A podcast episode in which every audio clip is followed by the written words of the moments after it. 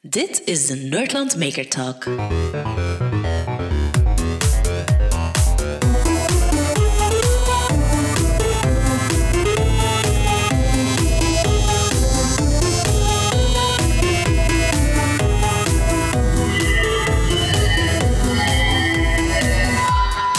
Podcast wordt mede mogelijk gemaakt door Azimute. Meer info over hun digitale ondersteuning van operatoren op de fabrieksvloer op azimute.com. We zitten hier terug op Discord. Samen, ja, samen is eigenlijk gewoon allemaal apart. Deze keer uiteraard terug met Kurt, maar na deze aflevering ook met Katrien, Ronald en Bert. Hallo. Hallo. Hallo. Super. Katrien en Ronald gaan de meeste mensen kennen. Uh, Bert gaan de meeste mensen misschien na vandaag wel kennen, want jij komt een paar keer voor in de aflevering uiteraard. Jij helpt Katrien bij veel van de topics waar zij rondwerkt. Um, daar gaan we zelfs wel op, uh, komen. Hè. Ik vond het weer een super aflevering. Je hebt uh, de combinatie van de motortjes van Ronald sorry. ja, sorry, ook bij de brainstorm, Ronald. Um, ja. ja. dat keek allemaal naar u. Dat was een vanzelfsprekende. Met een, ja, een softwareoplossing uh, van Katrina. Dus dat is een mooie combinatie. Ronald, ja, ik, ik zit met een paar vragen voor u. Ik zal voor even met u, met u starten. Het ging niet vanzelf. vanzelf. Je, had, je, had, je had direct al een idee, maar je hebt wel wat moeten bijsturen. Hè?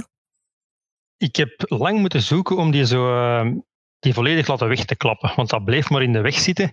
Zij zit ook zo een beetje onderuitgezakt in haar, uh, in haar rolstoel. Dus ze zat een beetje richting de plaats waar de paraplu moest komen. Want hij moest dus effectief aan, aan de rechterkant komen. Want links had ze haar een joystick en haar gsm. En allee, ze bediende alles met die andere hand. Dus moest aan de andere kant staan. En, ze hing wat aan die kant. Dus ik moest zien dat hij eigenlijk over haar schouder bewoog, heel die, die mechaniek. En het probleem was, ja, zoals bij Team Scheiden, het moet een verrassing zijn. Dus het is, je, kunt niet genoeg proberen eigenlijk ter plaatse. Dus ik heb het ene keer gezien en dan hebben ze mij een andere rolstoel gegeven die ongeveer hetzelfde model had, maar niet helemaal hetzelfde model. En dus moest ik mijn mechaniek daarop op bouwen. En dat was toch wel ja, een moeilijke. En dan ja, ook het, het tweede stuk, dan het uitklappen. Dat, ja, dat ging ook anders dan ik voorzien had. Maar ja, dat hoort erbij. Hè. Ja, want, op zich, uh, waarom, waarom bestaat zo'n systeem nog niet eigenlijk? Want we zijn zo in het begin, wat dat staat ook niet in de aflevering natuurlijk, maar we zijn eigenlijk een beetje research gaan doen met een aantal mensen van Team Scherm naar zo de Reva-beurs. Maar dat is zo echt zo de showcases van alle technologische ja, innovaties dan dat er is voor mensen met beperkingen. Het is gewoon een heel arsenaal rolstoelen in alle mogelijke maten. En niemand denkt eraan van, hé, hey, die mensen die willen misschien in de regen ook wel um, rondrijden. Hoe komt dat eigenlijk, denk je? Geen idee. Uh, moet ik het zeggen? Normaal, de mensen als het regent blijven binnen, maar ja, dat was met Greet niet het geval. ja, misschien is het inderdaad zo dat je in de rolstoel voor Greet, ja. Ja, nu, er was inderdaad heel weinig. Er waren wel een aantal dingen, zo uh, een, een kap die je kunt overtrekken, zoals een cabrio. Maar dat was eigenlijk nooit met een motorknop. Dat was altijd gewoon hand. Nee, dus maar dat is genoeg voor Ronald. Voilà, oké. Nee, niet in de zin, uh, dat was nooit van de rolstoel. Dus ja, ja, er is een verschil tussen je hebt zoiets scootmobielachtig, wat dat voor mensen is die eigenlijk hun armen kunnen gebruiken. En daar bestaan dingen voor, maar die waren altijd handbediend, omdat die mensen die hebben voldoende kracht in hun arm om het stuur te bedienen. En die geven ze dan iets dat je gewoon ja, eigenlijk moet uitrekken en dan, dan blijft dat staan. Maar voor een rolstoel, daar was inderdaad niks voor. Maar dat zijn mensen die hebben iets anders nodig. Die hebben effectief motorjes nodig, want die kunnen hun armen niet gebruiken, of minder.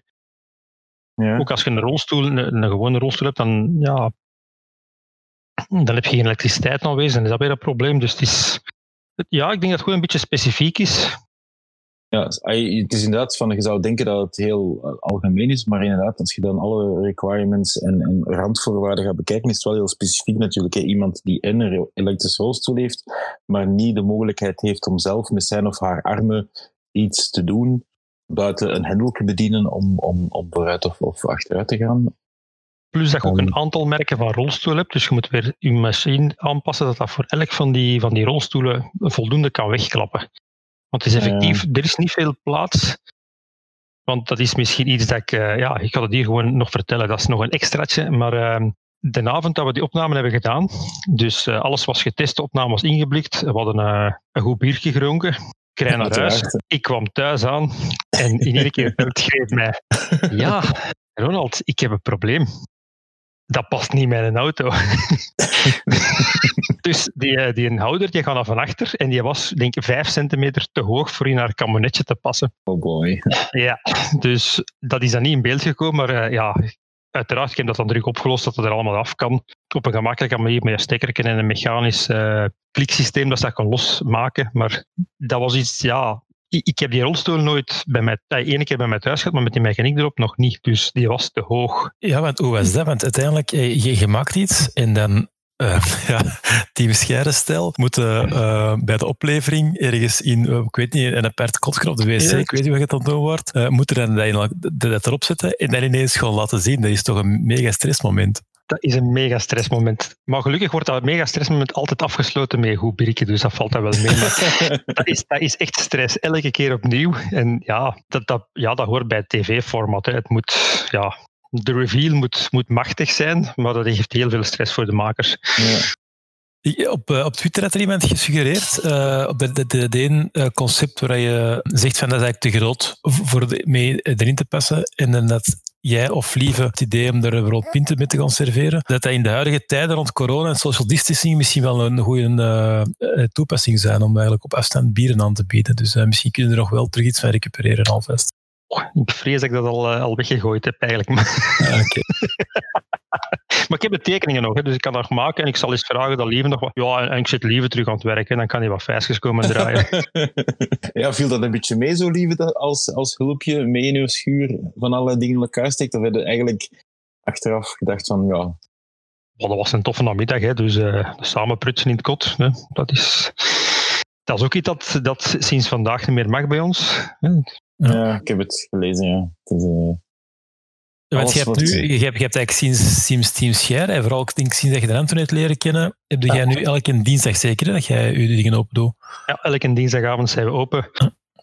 Ja, vandaag dus niet meer vanwege corona, maar uh, daarvoor zijn we altijd... Ja, ook de eerste golf hebben we gesloten, uiteraard. Maar. Ja. En dat is ook wel serieus aan het uitgroeien. Als je zo, jij, jij haalt re, tegenwoordig regelmatig de, de media uh, met acties die je daarmee doet. Ja, want we doen eigenlijk ja, een Repair Café, FabLab, Makerspace elke dinsdagavond. En dan op andere momenten doen wij workshops voor kinderen. Want ja, mijn inziens, je moet daar jong mee beginnen. Je moet echt mensen warm maken voor met techniek bezig te zijn, zo jong als dat kan. En ja, wij doen allerlei ja, zomerkampen, herfstkampen, die dus ook jammer genoeg allemaal afgeblazen zijn sinds uh, nu. Mm-hmm. En uh, voor mensen die er is wil ook, wat jij zei van Lennik, hè? Lennik, ja.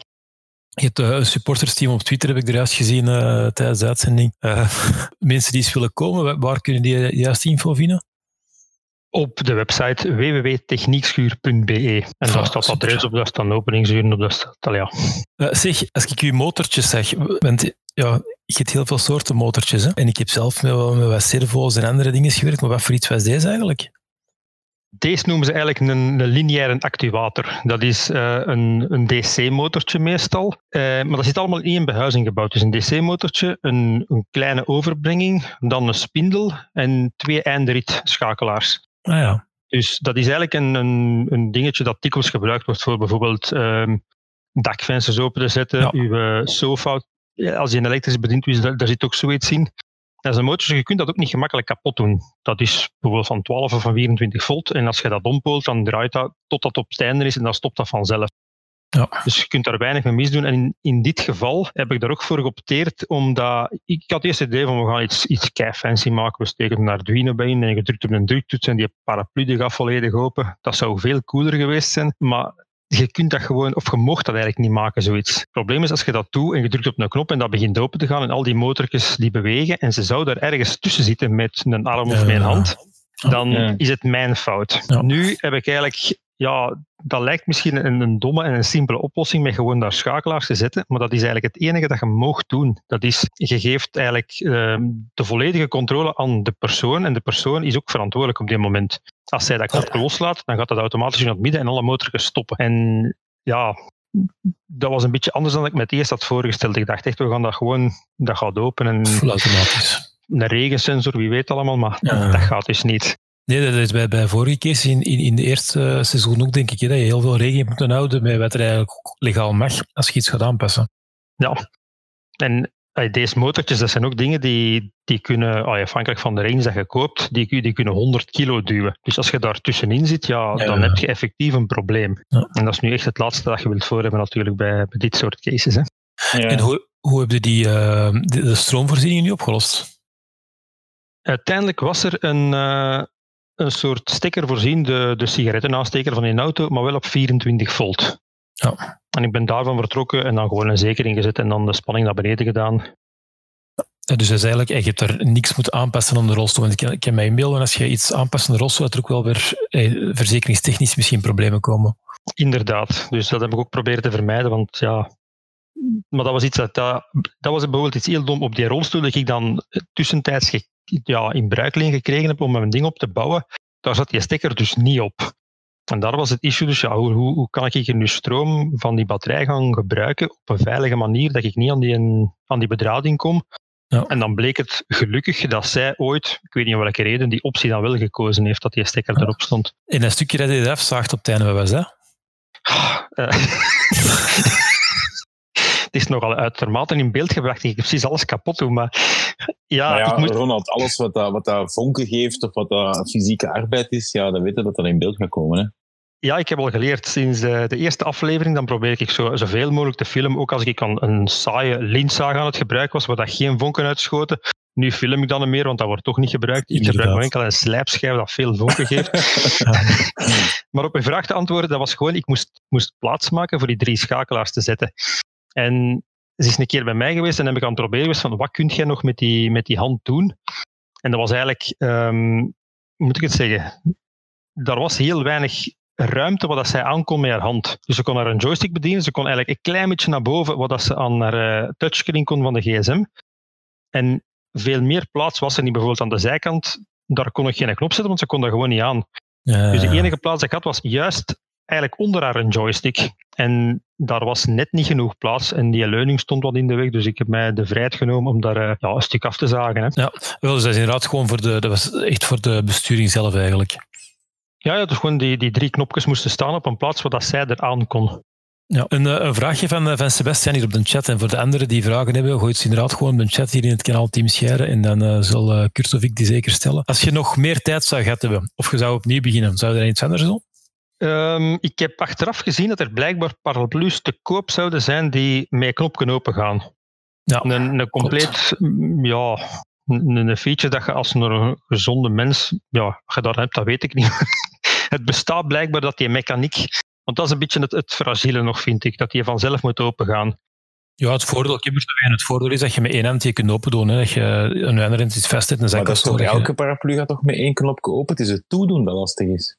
Wel ja, maar je hebt dus effectief van die Ja. paraplu's die je kunt kopen met een batterijtje in en een klein motor, Ah, zodat het in de twee richtingen gaat. En Ja, waarschijnlijk ook Bluetooth, dat je het met je gsm kunt open doen en zo. Zo van die. Wow.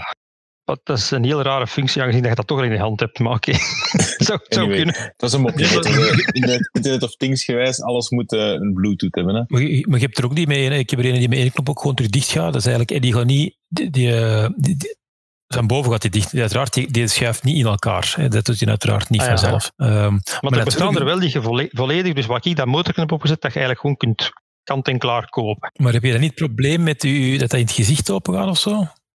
Eh, waarschijnlijk weer wel, ja, inderdaad. Ja. Dat is dan...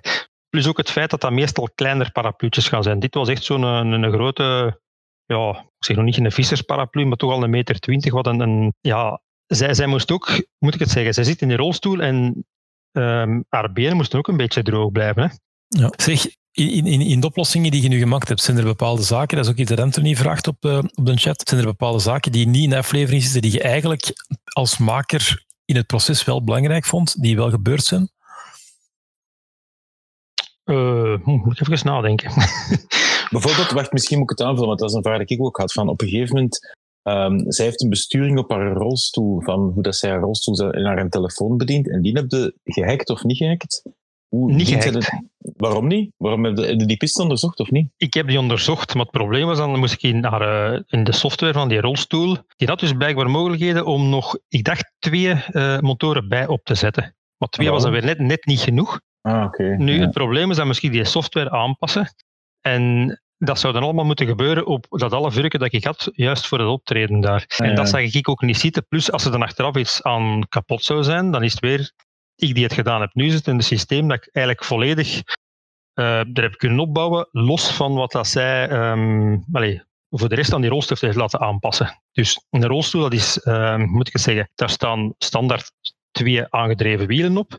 En dan kun je zeggen, ik wil mijn rugleuning kunnen verzetten. Ah ja, dat is dan één motortje extra. En dan wordt het niet de software bijgevoegd. Ik wil ik de zithoogte kunnen aanpassen of mijn zit kunnen kantelen. Dat zijn motortjes extra. En dat wordt dan in de software bijgestopt. Als ik mm -hmm. er nog iets wil bij insteken, dan ga ik een aanpassing doen in hun systeem. Ja. En als er dan nadien iets kapot is, ja, dan kan ik verantwoordelijk gesteld. Ja, het is niet dat dat, dat, dat systeem een API of zoiets heeft dat je gemakkelijk ernaast kunt bouwen. Dat zijn een update toe dat je, je stukje software blijft werken. Nee, nee, nee het, is, het is volledig van hun. Dus je moet altijd terug naar de fabrikant gaan. Ja. En ik had ook niet een tijd om dat aan te passen en te testen. En dat is ook een moeilijke natuurlijk. Hè. Ja. Ja, inderdaad. Dat is, dat is, dat is heel bizar dat misschien voor mensen die het zien vanzelfsprekend lijkt, maar inderdaad, je, zeker op het einde, dat is gewoon testen en dan gewoon hopen dat het goed is. Weten dat, stel voor dat het niet zo goed, zo goed zijn, dat je wel eh, sowieso wel terug gaat om dat dan te verbeteren. Zijn daar nog veel, heb je nog veel contact mee haar gehad? Want ondertussen zijn we een jaar verder. Ik hoor haar regelmatig een keer via Facebook. Ze heeft trouwens uh, gisteren gestuurd dat er uh, ja, een van haar vriendinnen ook een zou willen hebben.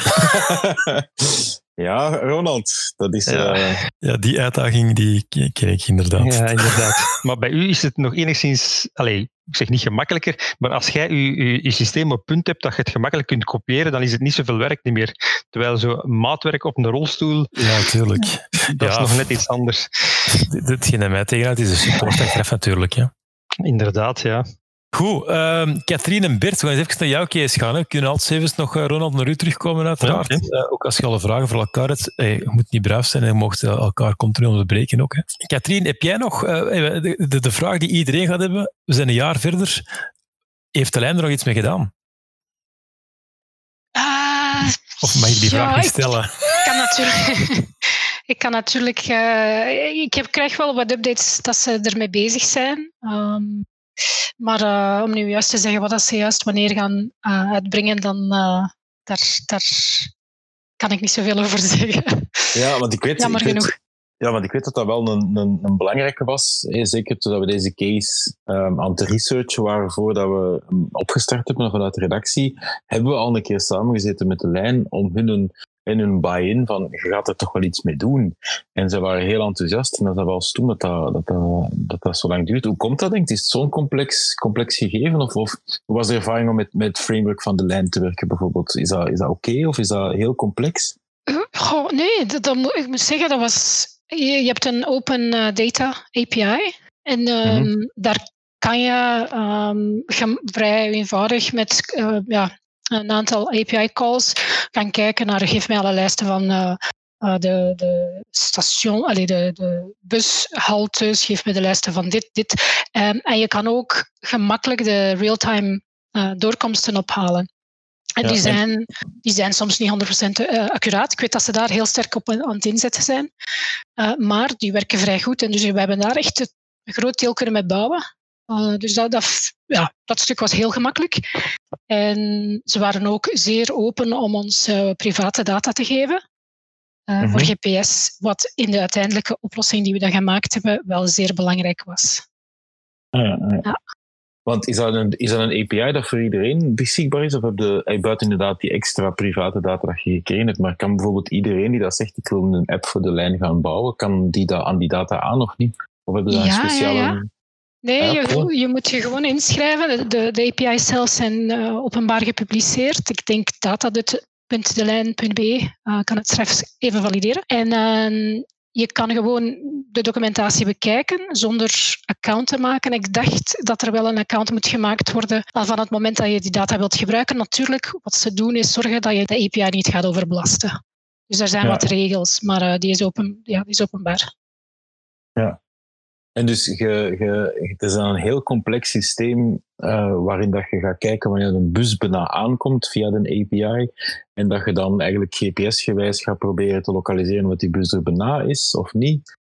Want dat is zo, dat is, de, ik, ik, weet nog dat we dat, ik had dat zo met Nathalie, en Nathalie, zo de regisseur van het programma, hadden we er heel veel gesprekken over van hoe brengen we dat in beeld? Want dat is heel software, dat zijn schema's, hè. Dat is, die stuurt een berichtje naar daar, die stuurt een berichtje naar daar, en we hebben er als hoofd over gebroken. Wil dan nog een keer eens even heel kort of zo goed uitleggen hoe dat juist heel de communicatie in elkaar zit, want het is echt wel complex, hè. Ja, het bestaat uit een aantal punten. Misschien uh, Bert, ik zal jou uh, later introduceren. Met mijn, uh, mijn collega, we hebben dat echt voor een groot stuk, niet alleen wij, maar wij hebben voor een groot stuk heel veel her en weer gecommuniceerd. Bert heeft echt gewerkt aan de kant van de applicatie voor Pakize. Ik heb mm -hmm. voornamelijk de cloud en de chauffeur kant gedaan. Misschien kan jij beginnen, Bert, als je die aanvraag doet en hoe dat, dat loopt, en dan zal ik wat bijvullen. Yes, dus ja, zoals Katrien zei, we zijn begonnen, ik ben begonnen met, samen met Katrien met de client app. Dus Pakiezen moesten een manier vinden om, als we aan, een, uh, aan de bushalte stond, om aan de juiste bushalte te geraken. En daarbij um, hadden we enerzijds gebruik gemaakt van de GPS-data, waarbij we vooraf uh, bepaalde locaties uh, op de, laten we zeggen, op het perron hadden gedefinieerd. En daarnaast keken we dan ook via een BLE, via Bluetooth, om eigenlijk te zien of dat de bus uh, nabij was. Initieel wilden we met Bluetooth starten, met BLE, maar uh, ja, uh, na gesprekken met, met enkele experts zagen we ook dat dat totaal niet accuraat was. Wat we ook in tijden van COVID toch wat vragen doorreizen met al de COVID-trackers naar de accuraatheid daarvan. Mm -hmm. en, en qua adoptie denk ik ook, en ik denk dat Katrien er wel meer gaat uitleggen, is er is ook een, een, module bij de chauffeur. En ik denk misschien dat daar, ik zal niet zeggen dat het schoentje wringt, maar al die bussen moeten dan ook wel een, een, een two-way uh, communication channel hebben van de bus naar de cloud, van de cloud naar de client. Ja, ja en, en ik zal even proberen in een paar stappen toe te lichten. Hè. Dus uiteindelijk is het zo dat wij een cloud, uh, clouddienst gebouwd hebben met een aantal componenten daarin. Um, aan de ene kant kan PAC kiezen, gebaseerd op een lijst van voorgedefinieerde buslijnen, gewoon omdat we natuurlijk prototype gewijs gewerkt hebben. Dat wordt als aanvraag naar onze cloud service gestuurd. En op dat moment krijgt zij updates van de cloud service. In de cloud service hebben we een aantal diensten die constant eh, een aantal checks doen. Een beetje gelinkt aan, de, aan, het, aan, het, feit dat niet altijd alles event gebaseerd is in de, achtergrond. Dat we ook API requests moeten gaan doen. Um, maar we, we beheren een aantal dingen. Op dat moment gaan we twee dingen eigenlijk doen. Zorgen dat we op de hoogte houden van de, het status van oké, de bus komt eraan. De bus komt binnen zoveel minuten eraan, uh, binnen zoveel seconden misschien. En van het moment dat de buschauffeur die eigenlijk met de juiste bus rijdt, en dat kunnen we helemaal uit de API's van de lijn halen, daar hoeven we geen private data voor te gebruiken, um, gaan we een signaal naar de buschauffeur sturen, die natuurlijk een nieuwe app heeft. Op dat moment uh, gaat de buschauffeur moeten be bevestigen. Dus tussen het, het moment dat hij de vorige halte uh, verlaat en bij Pakize toekomt, wordt dat signaal doorgestuurd naar, die, naar de buschauffeur. Dus dat, dat wordt ook beheerd met de cloud service. En, en dan krijgt de Pakize notificatie van, kijk, uw buschauffeur komt eraan. En ten tweede, die heeft ook al aangegeven dat hij gezien heeft dat je staat te wachten. Dus dat vond ze super, ja. super belangrijk. Zodanig dat ze daar ja. niet zomaar staat te wachten en niet weet wie, wie op haar uh, gaat wachten. Ja, maar dat was heel heel topzet inderdaad. Dat je, dat je een communicatie ja. krijgt en dat je, zoals we het, in, ik denk dat je het al in het begin vernoemd hebt, of hoe, hoe dat we het in ieder geval sowieso intern benoemden, is het is eigenlijk, in plaats van een belletje om af te stappen, is het een belletje om op, om op te stappen. Hè, dat je, exact. Dat je, ja, voilà. Maar dat je exact analogie, ja.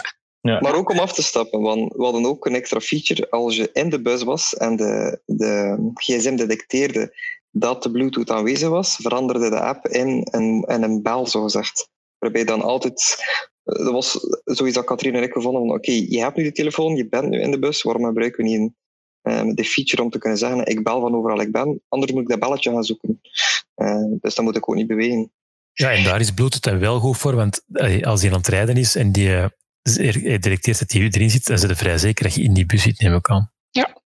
Ja, ja. ja want met de GPS is dat moeilijker. Want die gaat, ja, dus, die gaat te snel, uh, ja. alhoewel natuurlijk in een bus zit je al met een aantal meters zeer dat je terug meet. Um, ja, maar je wilt maar, ook daar eigenlijk wel een, een, een, een, je wilt een relatieve meting doen. Hè? Dus je meet device 1, de bus, versus de persoon zelf. Dus die zijn Bluetooth is een logische, een logische toepassing daar, denk ik.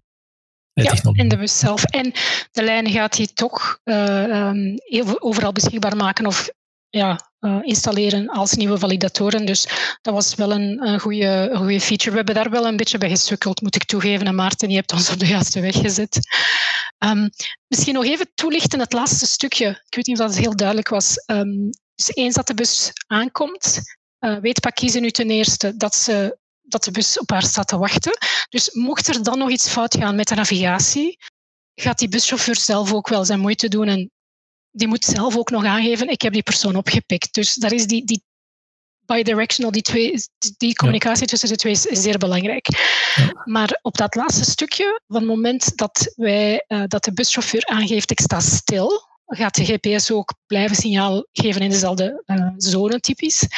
Uh, op dat moment gaat de, de app die Bert gebouwd heeft, gaat dan beginnen valideren of beginnen vragen aan de, de cloud service om eigenlijk notificaties te krijgen over de zone in de welke dat de bus zich bevindt. Um, ja. En op dat moment begint hij, misschien Bert moet je dat uitleggen, dat stukje over Bluetooth, wat begint hij te scannen op het moment pas dat de bus ja. aankomt eigenlijk.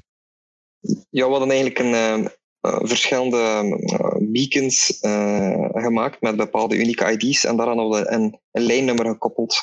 Met het idee van, zoals Katrien zei, in de toekomst komen er nieuwe betaalterminals met BLE.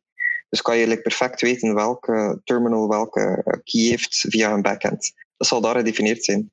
Dus wat, wat was het idee? Als Pakise in de buurt komt en als de signaalsterkte bijvoorbeeld uh, 70 is, dan weten we dat Pakis in de buurt staat van bus 6 of 16, waarbij de app dan ook zegt, die staat voor bus 6. Uh, dus het originele idee van we laten Pakise via Bluetooth naar de bus gaan, was totaal niet werkbaar. Puur heel veel andere signalen.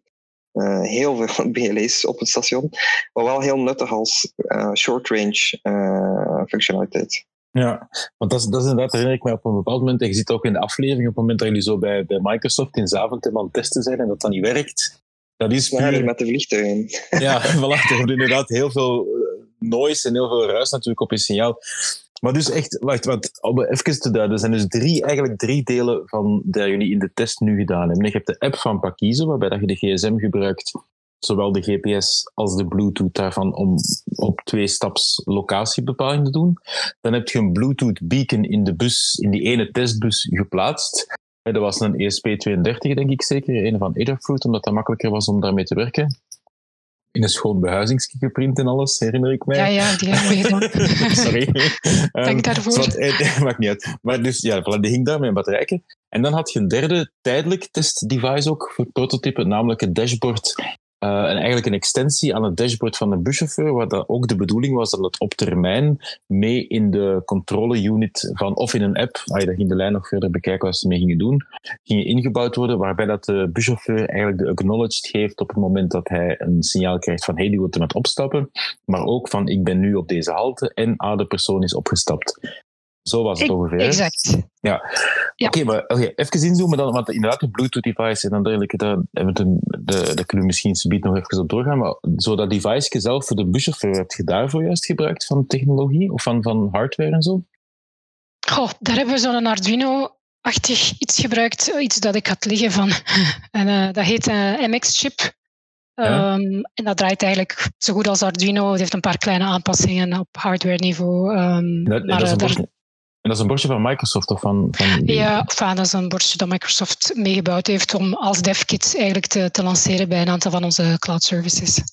Ja, maar dat is echt gebouwd om met de cloud services van Azure uh, connectie ja. te maken, zeker? Omdat er... Ja, we hebben dat gebruikt gewoon omdat we op die manier iets heel klein voor de buschauffeur hadden, omdat ze ons gezegd hadden van ja, een app bouwen voor de chauffeur, dat, dat ligt toch gevoelig. De chauffeur moet al zoveel doen.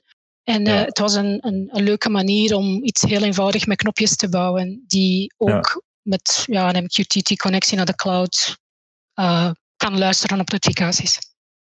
Ja. Ik weet in, in een discussie, ik weet niet of dat dan uh, ook aan bod gekomen is, maar ze hadden ook een boordcomputer waarop dat je op een gegeven moment dacht om, om op, op, op in te werken, denk ik, ja?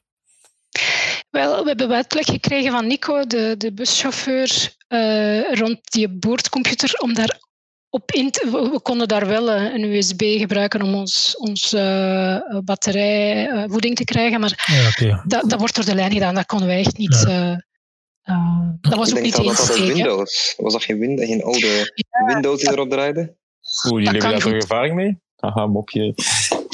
Goh, Wij zijn open, Kurt. We hebben net al een klein gesprekje gehad over Microsoft Teams, waarbij ik... Ja, sorry. Ik ben, ik ben daar, ja, sorry, ik ben daar misschien te hard in, maar het, is, het is absoluut geen, eh, geen, geen kritiek of zo. Maar Kurt, Kurt ik, ik weet, ik, ik, ga, ik, ga, ik, ik balanceer het daar wel uit. Als Apple-gebruiker ben ik daar wel fan van, van het, Mac- van het eh, Teams-verhaal. Maar eh, lo- los daarvan, ehm, los daarvan, Ja, terug on topic, Eh, ja. Ja, voilà. Ehm, twee vraagjes die, er nog, eh, die, die ik nu nog in de chat hier zien binnenkomen. Dus, dus ehm, ondertussen zijn we er wel uit. Dus er zijn ondertussen die nieuwe betaalterminals al wel om te installeren, maar zenden die ook wel degelijk nu die, die beacon-gegevens uit, of niet? Daar heb ik geen update van gekregen, eerlijk gezegd. Op dat stuk. Ik heb, ik heb een paar updates gekregen en ik, ik neem aan dat ze dat binnenkort wel gaan, gaan publiceren of, of bekendmaken eh, rond een aantal dingen in de app die, die beter gaan worden. Eh, maar ehm, van de terminal zelf, daar, daar weet ik nog niet zoveel over. En een tweede vraag die hier nog eh, op de chat staat, er is, ehm, dat komt ook wel helemaal op het einde, denk ik, in de wrap-up van Lieven even terug. Ehm, wat kan Packie nu al gebruiken van de oplossingen en op wat moeten we nog wachten? Ja, ze moet eigenlijk op eh, zo goed als alles wachten. Ik denk dat het belangrijkste voor haar was nu om eh, te weten eh, wanneer dat de bus eraan komt. Ehm, en die bidirectionele communicatie. Maar ehm, ja, daar, daar, daar gaat de lijn in, in stappen in werken. En, maar de, GPS-oplossing kon daar, ze al weet van de bus is er nu. Of dat kon ze ervoor ook al, of niet? De bus is er nu, is dacht ik iets dat ze heel binnen dat ze hebben of binnenkort gaan Ja, beschikbaar maken, dacht ik. ja oké. Want, want wat dat misschien ook wel niet, want er zit ook in de chat zit er ook iemand een slechtziende. Wat dat, wat dat voor mij ook wel tijdens de opnames niet was, is dat ehm, de lijn eigenlijk twee apps heeft. Hè. De lijn heeft een app voor het gewone plebs en een tweede app voor de blinden en slechtzienden, waar dat ze andere en extra functionaliteiten in hebben. Hè. Yes. Ja, maar daar kan ik je wel een update over geven. ehm, dat ze mij hebben laten weten. En ehm, dat, dat is dat ze eigenlijk heel veel van de focus om de verbeteringen te doen is te zorgen. Want die twee apps, ja, sommige stukken waren wel beter in de, in de gewone volledige app, omdat die iets meer up-to-date is. En die, eh, die, die aparte app, die zijn ze volledig aan het eh, eh, uitfaseren. Mhm. En alle functionaliteit met echt de goede aanpassingen voor slechtzienden, dus met die voice-over, maar ook soms moet je daar zelf iets, iets gaan aanpassen. Dat gaat nu volledig geïntegreerd worden in de huidige app, de gewone Ja, want, publieke app. ja, want toen ik dat hoorde, dacht ik van, waarom? Dat zijn twee apps om te onderhouden. Dat zijn twee... Ah, ik denk dat er, zijn... Oh. Ik bedoel, Roel van Giel... ehm, ik zijn naam kwijt. Ik denk Roel van Giels, denk ik. Dat is, dat zo iemand die daar heel hard ehm, voorstander is ook van, van toegankelijkheid in websites. En, en zo. Die zit ook mee achter het AnySurfer label en zo. En, en als die dan... ah, Ik ben een keer aan zijn lezing geweest, dat ik dat zo bedacht, van dat je niet gewoon een app maakt. En we hebben dat vorig jaar... eh, Catherine heb ik het vorig jaar ook een case gemaakt voor, voor ook een blind persoon. Hoe dat die hun telefoon kunnen gebruiken. Als die een app goed gedesigned is, dan kan een blind persoon of een slechtziend persoon die perfect gebruiken. Dus waarom heb je nog een andere app nodig? Goh, ik denk dat dat historisch was. Ehm, het, ze hebben me dat ooit uitgelegd. Ik denk dat ze ergens vertrokken waren op een bepaald platform, dat misschien niet een native platform was of zo, en dat die, die app voor, voor slechtzienden wel native... Er is ergens een uitleg van meer historisch, en dat willen ze nu wegwerken. Maar ik denk dat ze er zo, bijna zo ver zijn dat het volledig ja, on par is op, eh, op de gewone app. Ja, daar Ja. hebben we ook mee zitten sukkelen met die eh, visibility-zaken. Zeker in, we hadden Ionic gebruikt puur om, om Android en iOS met de hybrids. Maar om dan die compleet eh, usable te maken eh, voor mensen met, met een, eh, ja, een slechtziende, Ja. was toch wel, eh, laten we zeggen, van de moeilijkste zaken aan de app. Eh, Ja, op, op de chat zit, en die zit natuurlijk nu mee te luisteren ons, eh, de persoon met, met de nickname Tommycon, eh, die dit volgens mij de app ook zelf gebruikt. Die zegt van de nieuwe app begint met een kaart, wat heel moeilijk is eh, naar VoiceOver toe. En eh, door klachten zijn, dan is er eigenlijk een oude app toch in leven gehouden met die naar eh, VoiceOver ehm, toch toegankelijker is.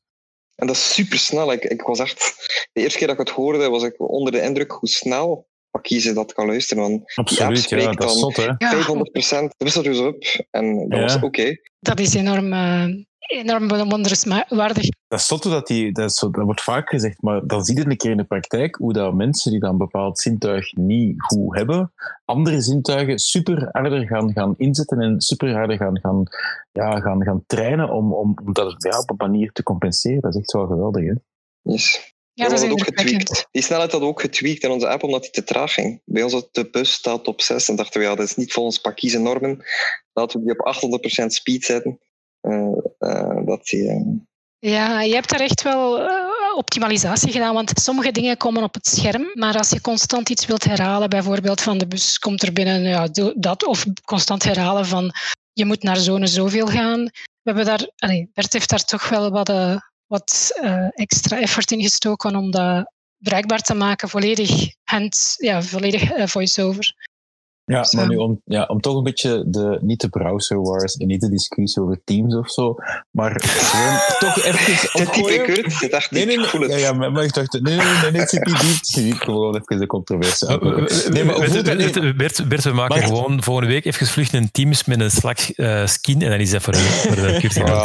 Anyway, anyway, de vraag is, hoe voelt het als, als Microsoft-ontwikkelaars om voor Apple iets te maken? Omdat dat toch, ah, ik weet niet in hoeverre dat dat concurrentie is, want ah, Microsoft had tot voor een paar jaar hadden ze hun eigen OS voor mobile ook, eh, Windows Mobile, maar dat is dan um, een, een vroege dood gestorven. Maar um, is dat niet iets anders dan, dan de standaard omgeving waar dat je, dat je gewend bent om dingen te maken? als ik misschien, of, of Katrien, doe jij maar eens. Doe maar, doe maar.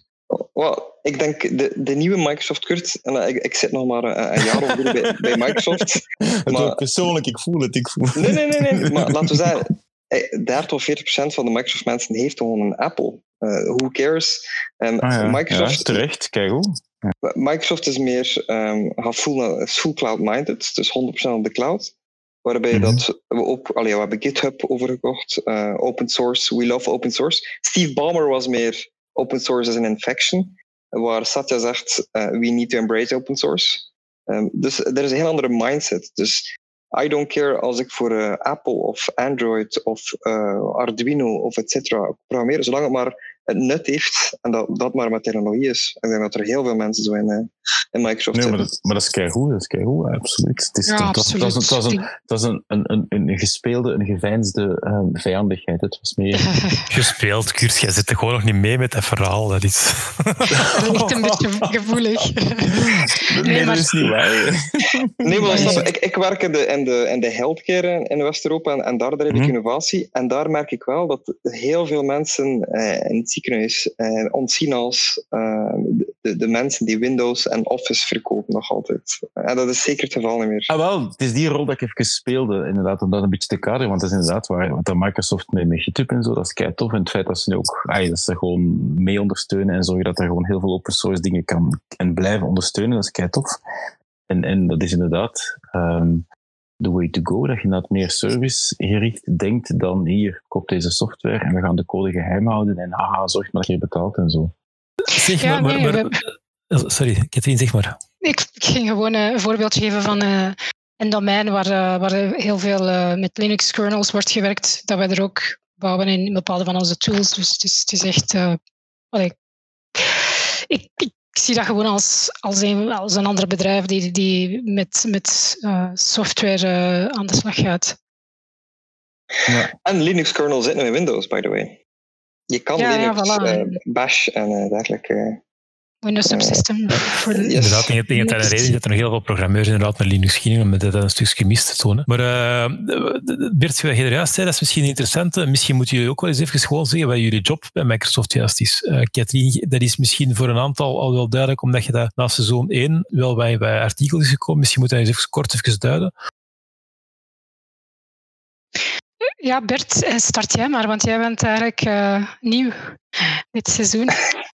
Uh, yes, dus um, zoals net vermeld, ik werk binnen West-Europa en mijn, uh, mijn rol um, is wat ze noemen een Industry Technology Strategist. Dat betekent dat ik um, binnen ziekenhuizen innovatie drijf. En dat, dat wel heel breed. Dat kan van, oké, hoe kunnen we operationele improvements brengen. Bijvoorbeeld als er uh, de lengte gaan bepalen in een ziekenhuis als er een patiënt binnenkomt en daarbij de staffing niet. Of hoe kunnen we met AI bijvoorbeeld ehm, nu met COVID gaan detecteren of een patiënt zal sterven of niet. Of hoe kunnen we um, medical imaging gaan um, analyseren om bijvoorbeeld bepaalde ziektes te analyseren. Of genome sequencing, hoe kunnen we die gaan gebruiken voor precision medicine. Dus dat heel breed uh, om eigenlijk innovatie te drijven, enerzijds on the cloud, maar ook on the edge, waar we heel veel hybrid doen. Want als je inferencing doet uh, en AI of bepaalde heavy compute zaken, werken we wel met on the edge. Heel breed, alles in healthcare. En uh, superleuk eigenlijk. Dus het gaat echt dus, over, over het zoeken van de juiste technologie voor een bepaald probleem. Yes, en ook een strategie. Allee, ja, we, we, willen niet echt allee, ja, pinpointed solutions. Um, om een idee te geven, bijvoorbeeld in Zweden. Um, wat is er gebeurd? Covid is daar um, uh, overal. Uh, de pandemie is losgeslaan in maart. Wat hebben we gedaan in Zweden? Bij Capio, een van de grootste private healthcare uh, organizations in Zweden. daar hebben we een bot opgezet die objectieve informatie gaf. Stap 1. En daar hebben we iets van een 200.000 gebruikers binnen een paar uh, weken. Dan hebben we daarop verder gegaan, hebben we dan uh, zelf observatie toegelaten. Dan hebben we daar een, een app opgebouwd. Uh, dan hebben we daar een patient digital twin opgebouwd. dan hebben we daar modellen beginnen bouwen. Dus je gaat van stap 1 naar stap 2. Hoe kunnen we dat verbeteren? en daarbij is wij Microsoft, wij zijn een advisor. Wij zullen geen code schrijven of zeggen je moet dit en dat gebruiken. Er is een partner en, en interne know-how. Maar wij helpen de klant en de partners om eigenlijk die strategie door te voeren. En dat is, dat is een beetje mijn rol. En ook een beetje mee aan het programmeren als ik mag. Dan ben ik altijd blij. Maken is altijd tof, hè? Ja, dat is, dat is een feit. En Katrien? Eh, ja, dus van mijn kant eh, ik ben een technisch architect en, en mijn focus zijn, is, is rond uh, IoT-oplossingen, maar dan eerder aan de cloudkant. Dus, dus uh, uh, IoT Cloud Gateway in, in ons Azure-platform. En ja, veel van mijn collega's, ik heb een aantal collega's die meer focussen op de devices. Uh, een aantal devices die Microsoft maakt, en Azure RTOS en een aantal uh, van die producten rond het Windows-platform ook. Maar ik zit meer aan de cloud-kant, dus ik ga eigenlijk zorgen met klanten dat we vanuit wat wij noemen de edge um, data kunnen capteren, ook lokaal kunnen processen. Daar doe ik wel een stukje in. En dan voornamelijk aan de, aan de cloud, hoe gaan we die data in streaming mm, opzetten, dat we daar ja, relevante kunnen, data kunnen uithalen. Hoe gaan we dat linken aan machine learning modellen om daar acties op te, af te vuren en, en, enzovoort. En dat is heel vaak in industrial scenario's met uh, geconnecteerde fabrieken, productielijnen. En een stukje passie meer van mij is, is werken rond producten, rond uh, knowledge graph en zo. Een stukje digital twins die nu vrij sterk uh, opkomt in producten dat we hebben. En, dus dat is nu zo'n beetje mijn mijn uh, focus. Oké, okay, super. Zeg, en uh, Ronald, even terug naar u. Dus ik moet u even terug die, dat pintje laten staan. pintje, pintje. het, zal, ja, het zal geen pintje zijn. Zit jij nog bij de, met de VB verbonden of, of, of, of doe jij nu volledig op een wijgen?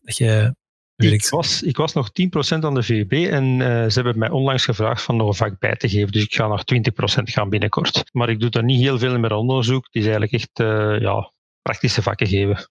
Met motortjes? Met motortjes en met perslucht. Ah, zo. En uh, dat is bij, bij de ingenieurs, zeg jij toe? Of? Ja, ja, industriële ingenieurs. En voor de rest ben je uh, als zelfstandige, bouw je oplossingen die geen serieproductie hebben? Geen serieproductie, dat wil ik absoluut niet doen. Ik, uh, ik heb graag elke keer een andere uitdaging. En ja, dus als zelfstandige. En nu is er dan de techniek nog bijgekomen met die workshops, wat ook wel ja, wat tijd pakt. Maar ook heel leuk is. Dus uh, als inderdaad komen vragen van, kun je voor mij ook een paraplu zetten? Dan zeg je nee. Als dat er hetzelfde uitziet, dan gaat dat niet. Als er andere rolstoelist, dan gaat dat wel. Wel ja, ja. Of, ay, moest er echt veel vragen komen, dan moeten we een keer nadenken hoe we dat kunnen doen natuurlijk. Hè, maar... Ja, of, of zo iemand dat vraagt van, hey, ik heb hier een rolstoel, ik wil die van op afstand kunnen laten bedienen. Dat mag altijd, hè, Kurt. Als, als je zo mensen moest kennen, dat is altijd tof. Hè? zeg, zeg rond rolstoelen, want uh, ja, toen hebben we nog wat meer samenkwamen, toen uh, Evan toen dus verhalen verteld dat je tegenwoordig problemen met dat je rolstoelen moest gewoon downgraden met die snel gingen en zo. Je had er toen zoiets staan. Uh, zijn er nog zoveel projecten met rolstoelen die je doet, of is dat, was dat eerder rond Team Scheir dat dat vooral was? Dat was juist na Team Scheir dat er zo'n aantal vragen zijn binnengekomen. Dat is nu een beetje stilgevallen. Dat gaat terugkomen. Maar ja, laten we hopen. Hè het is nu wel een iets andere tijd momenteel. Dus ik weet niet of dat gaat lukken. Dus, uh, Uh, en de, Anthony steekt hier zijn vinger Ja. op, op de chat dat hem ook soort van rolstoel is geworden. Dus als mensen rolstoelen wil laten hacken, dan is een Anthony altijd eh, fan. Maar dat is ook iets dat we hier eh, op dinsdagavond de techniekschuur dikwijls doen. Hè. Zo van die scootmobielen zijn het dan vooral, en die dan worden gehackt en er wordt van alles bij opgebouwd. En, en meestal is een uitleg dat eh, de papa's dan geven van dat is voor mijn kleine. Maar heel dikwijls zitten ze dat dan toch zelf op te spelen, heb ik de indruk. Ja. Een, ideale, ja, een ideaal platform eigenlijk. Hè. Nu, het valt wel op dat de prijzen van de tweedehands dingen zo omhoog aan het gaan zijn. Dat er zoveel mensen aan het zoeken zijn naar een defecte eh, scootmobiel. Dan, ja, Vroeger kon er al een keer gratis krijgen. Nu heb ik de indruk dat ze dat precies altijd te koop zetten. Dat je dat dus minder gemakkelijk aangeraakt. Door al die, al die makers die daar beginnen met te spelen. die, die, ja, die mensen in de rolstoel denken, zeg dat is van ons, blijf daar eens af. Om de zoveel tijd heb je toch een nieuwe nodig. zo. Dus, want die mensen zijn daar meestal... Allee, de actieve mensen die in een rolstoel zitten, die breken dat ding gewoon af op een paar jaar. Dus Ja, binnenkort wordt het gewoon vreemd om niet in een rolstoel te zitten. Dan zie iedereen er gaat dingen mee bouwen natuurlijk. En je zit inderdaad automatisch anderhalve meter afstand. Hè. Dat is waar. Je zou nog zo'n Eh. uitgesneden lasercutte cirkel er nog een keer rond kunnen bouwen. Dat je... Eh, Roland, als- als er, als er de makers met een rolstoel willen starten, wat zijn zo de dingen dat ze zeker wel of niet mogen doen? wat bedoel je met een rolstoel voor, eh, Ja, voor ik- zelf met te spelen? Of voor Ja, iemand... zelf, zelf met te spelen. Ja, zelf met te spelen. Dan moet je alles doen. Hè. Dan, is, dan is er geen limiet. Hè. Als je zelf speelt, dan eh, mag Ja, het zo maar hard zijn, er dingen die je rap kapot krijgt of zijn er... Het hangt er een beetje vanaf wat je laat staan. Als je de sturing laat staan, dan kun je in principe niet veel kapot doen, want dat is allemaal redelijk goed af, afgebeveiligd. Dus ja, wat je moet naar En kijken. met, en met de- oh, sorry, sorry dat ik onderbreek, maar met de sturing dan bedoelde eigenlijk de aandrijving van de motoren. Hè? Je bedoelt niet het links-rechts gaan, of wel? ja, meestal is dat ook een, een controller, dus dat, ja, een soort microcontroller, maar die software dat kun je niet aan of, of moeilijk. Wat ik Mhm. meestal doe, ik gooi dat er allemaal af, ik zet mijn eigen haarpluggen erop en dan, dan hebben ze de volledige controle. Dan Ja. kun je ook, ja, dan kun je hem voluit laten gaan. Ik ben nu zo fan geworden van, van die H-bruggen van 43 ampère. Dat is zalig, hè. dat is... eh, Ah, wel, maar, 43 maar, ampère, ja. maar- maar- maar daarom dat ik mij vroeg, van, als je met zo'n eh, stroom aan het spelen bent, dan moet je toch een beetje opletten wat je gaan doen. Hè? Ja, uiteraard. Je moet weten wat je aan het doen zit. Hè. Nu, nu, je moet zien, die stroom, dat lijkt veel, maar als je daar... Meestal staan daar twee eh, ja, tractiebatterijen op. De, de, de, de ja, goede kopen doen hetzelfde. Je zet daar gewoon autobatterijen op, maar dat levert dan honderden amperes. Hè. Dus als je daar iets mee fout Ja. doet, dan, dan mag dat wel serieus... Allee, je, je kunt gerust vuur maken, hè. dat is geen enkel probleem. Wat je natuurlijk niet wilt. Hè. Dus een goede zekering is natuurlijk... Ja, dat is eigenlijk wel een vereiste. De, eh, Anthony zegt dat ook wel, eh, dat je eh, met die CAN-bus bijvoorbeeld, dat ook wel tof is, omdat je daar ook wel wat kunt gaan aansturen zonder dat je de elektronica zelf moet begrijpen. Ja, dat is ook een mogelijkheid natuurlijk. Hè. Dus ja, maar dat hangt een beetje van het, van het type maker af.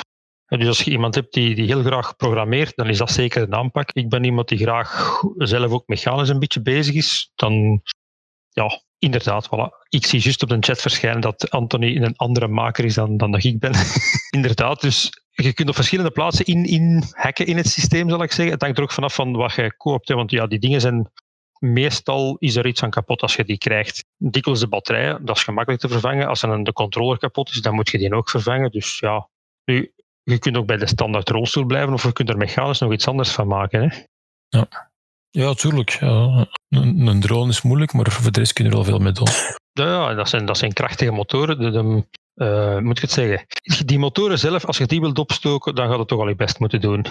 Als je aan de spanning blijft natuurlijk. Hè? Want je kunt natuurlijk zeggen, we gaan de spanning een beetje verhogen, maar dat moet sneller gaan rijden. Dat is ook altijd een goeie. De, de, de, de vraag hier chat van wat, wat kost dan zo'n 48 ampère Ja, of, of ik zou het direct misschien breder willen trekken. Van, stel dat je dat wilt, hè, je hebt een, een rolstoel en je wilt die gaan je- Ik hoor je zeggen batterijen, ik hoor je zeggen motoren, ik hoor je zeggen haarbrug van 48 ampère.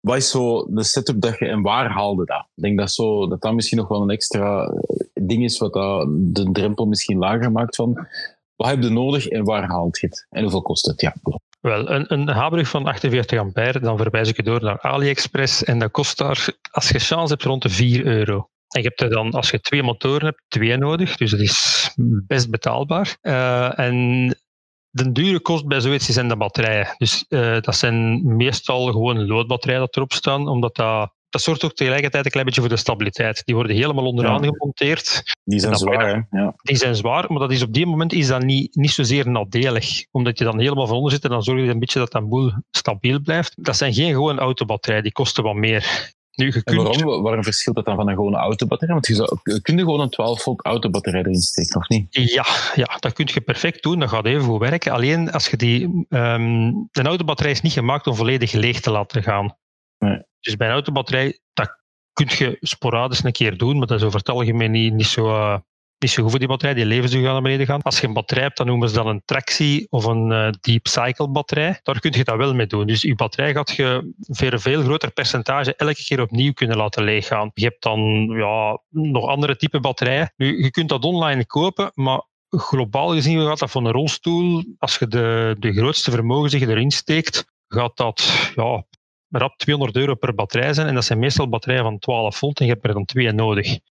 Dus dat is een aanzienlijke kost. Als je zegt van ik ga Ja. een beginnen te spelen en je koopt die gewoon twee autobatterijen en je leeft met het idee van ik ga die niet volledig plat doen, dan kun je er ook wel een tijd mee spelen, denk ik. En dan, oké, je hebt dan batterij, je hebt dan je H-bruggen, ja, los van Arduino en controllers, daar moeten we zelf je plan trekken, maar ik denk dat dat op zich inderdaad toch niet het meeste werk is. Maar dan motoren. Wat, wat raad je aan van motoren? Want ik weet, ah, ik weet nog van Pluim, in de case van vorig jaar, dat je dan zo'n hele grote motoren erop gestoken had en nu zo van die accentuatoren. Of actuatoren, sorry. Ehm, ja, wat, wat, wat, wat raden aan voor een motor van een, van een rolstoel laten drijven? Wel, als je een rolstoel hebt, die motoren gaan quasi nooit kapot zijn. Dus je, kunt die, je moet dan Je gokken wat de, of uitmeten wat de spanning is, om dan... Ja, maar de spanning dat is eigenlijk een eenvoudige. Je krijgt gewoon welke batterij staat erop. En dus dat, dat gaat Ja. quasi altijd 24 volt zijn. En dan is dat gewoon een motor van 24 volt. Dus je koopt een H-brug die dat aan kan, die de stroom Ja. aan kan, en, en je bent vertrokken. Ja. Want die motoren gaan vervangen, dan heb je eigenlijk al dan, dan heb je niks meer van je rolstoel over. Hè? Nee, dat zit inderdaad met tandwielen en, en gearboxen en al die nest ook natuurlijk te, te, te prullen. Hè? Ja. Wel ja, maar dan, dan, dan moet je geen rolstoel hebben. Dan zit je eigenlijk alles zelf aan het maken. Wat ook kan natuurlijk, hè, maar ja, dat je voor pluim gedaan hebt. Hè. Ik, ik weet dat er hier op de chat ondertussen dat er eh, hier eh, allerlei rolstoelprojecten aan het starten zijn. Dus eh, op de Discord is er ook een kanaal Maker Talk. Daar kunnen mensen elkaar altijd bij helpen. Inderdaad. Ehm Katrien, zijn er bij Microsoft van die bepaalde tools of, of dingen die, die vooral door makers kunnen gebruikt worden om te prototypen? Eh, ja, ik kan aan een paar dingen, dingen gaan bedenken. Natuurlijk, we hebben een aantal van die dev-kits rond eh, devices, eh, zoals die Azure Sphere dat eh, iemand eh, in, in, het kanaal gooide, ehm, of die MX-chip. Maar ik denk eigenlijk, wat je ook heel veel bij ons gaat vinden, zijn een aantal cloud services. En als mensen graag willen spelen met wat ehm, een cloud IoT gateway en je kunt dat gratis voor een aantal devices, bijvoorbeeld twee devices, kun je eigenlijk zo goed als gewoon gratis krijgen. Dat is iets genaamd Azure IoT Central, dat is misschien wel een tip. Heel eenvoudig in het gebruik en eh, je hebt eh, meteen een, een beveiligde communicatie naar een, naar een gateway en je hebt bidirectional ja, berichten dat je kan aansturen van de cloud. Dus dat is misschien wel een leuk eh, om, om, om eens te testen. Ja, vanaf inderdaad dat je wat, sensordata ergens centraal in de cloud wilt gaan beheren, is inderdaad een manier om dat, eh, ja, Ja. zonder En- dat te meteen-. Ja, je hebt meteen grafieken ook van data die binnenkomt. Eh, je kan het allemaal beheren in zo'n een, soort. eh, het, is, het, is eigenlijk, meer dan een IoT gateway. Het is echt ook een, een UI en eh, het is, het is een, een applicatiebuilder voor IoT aan de cloudkant. En dan ja, device kant kan een beetje van alles zijn. Eh, we hebben wel wat devkits ook, ja. Goed, super. Ik wil nog twee dingen doen. Even even vooruitblikken naar de cases die nog komen. Maar eerst een opportuniteit die we nu hebben, die we zeker niet mogen verloren laten gaan. Wat is er geworden van jullie cases van seizoen 1? En toen was het stil. ja. Zeg, zeg maar, eh, Ronald. Wel, de dansrolstoel wordt nog altijd gebruikt. Eh, de fiets, dat is een, een iets jammerder verhaal. Dat meisje is Ja, eh, Inderdaad. Een goede maand overleden. Dus Inderdaad. dat is een heel jammer feit. Maar, Dat is moeilijk, ja. Mhm. Ja, van, vanuit mijn kant. eh Monique is mij juist aan het berichtjes aan het sturen. Dus eh, eh, in, in het algemeen, ik heb nog heel veel contact met haar. Ehm, het, het goede nieuws daar is dat zeer veel van de functionaliteiten die wij gebouwd hebben, heel specifiek voor haar applicatie, zitten nu in de gewone Seeing AI. Ah, ja. Eh, dus die wordt echt geüpdate. Die is ook in Nederlands beschikbaar gemaakt. Een paar specifieke features zijn nog niet beschikbaar, maar geleidelijk aan komen die er wel in. Dus daar heb ik echt goed zicht op. En ze heeft nog altijd haar specifieke app die ze gebruikt. Dus dat en is, geeft dat is ze haar eh, presentaties nog daarmee met die foto's?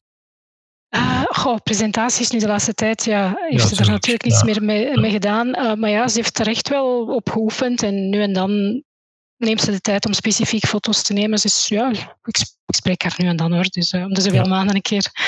Ja. En, en, Wouter heb ik, ja, spreek ik meestal met de mama eens en eh, die gebruikt het ook nog altijd. Dat vond ik super leuk om te horen. Ja.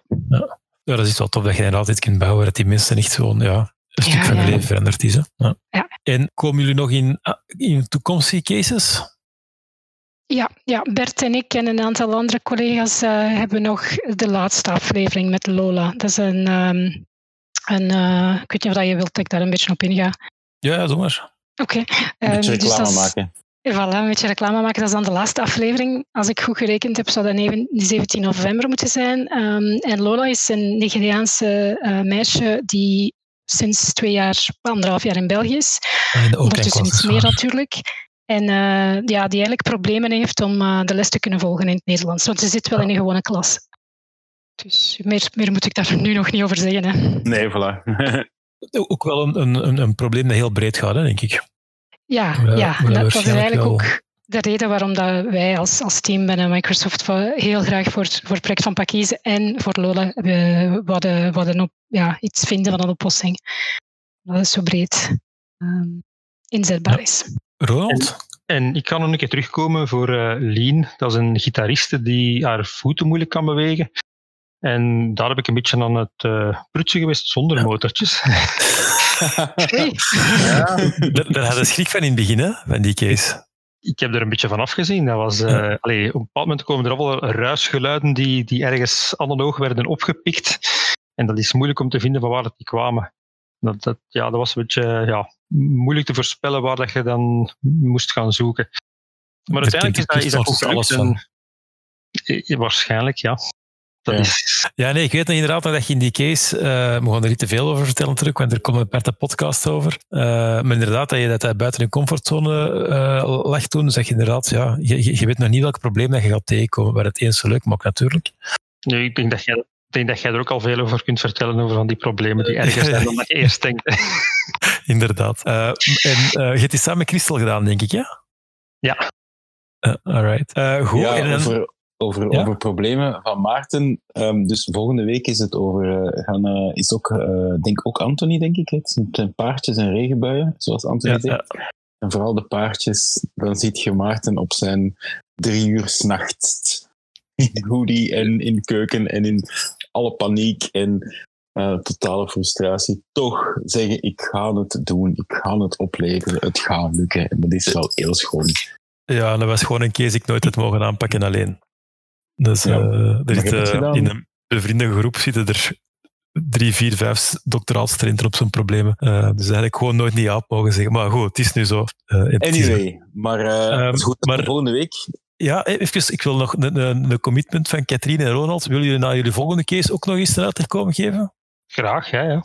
Ja, zeker. zeker. Alright, super. Voilà. Alright, ik ging, deze- nog, ik, ging nog, ja, ik ging nog een keer vanuit de redactie mijn eh, volle adoratie tegenover de makers, ehm Katrien en Ronald en ook eh, Bert uiteraard.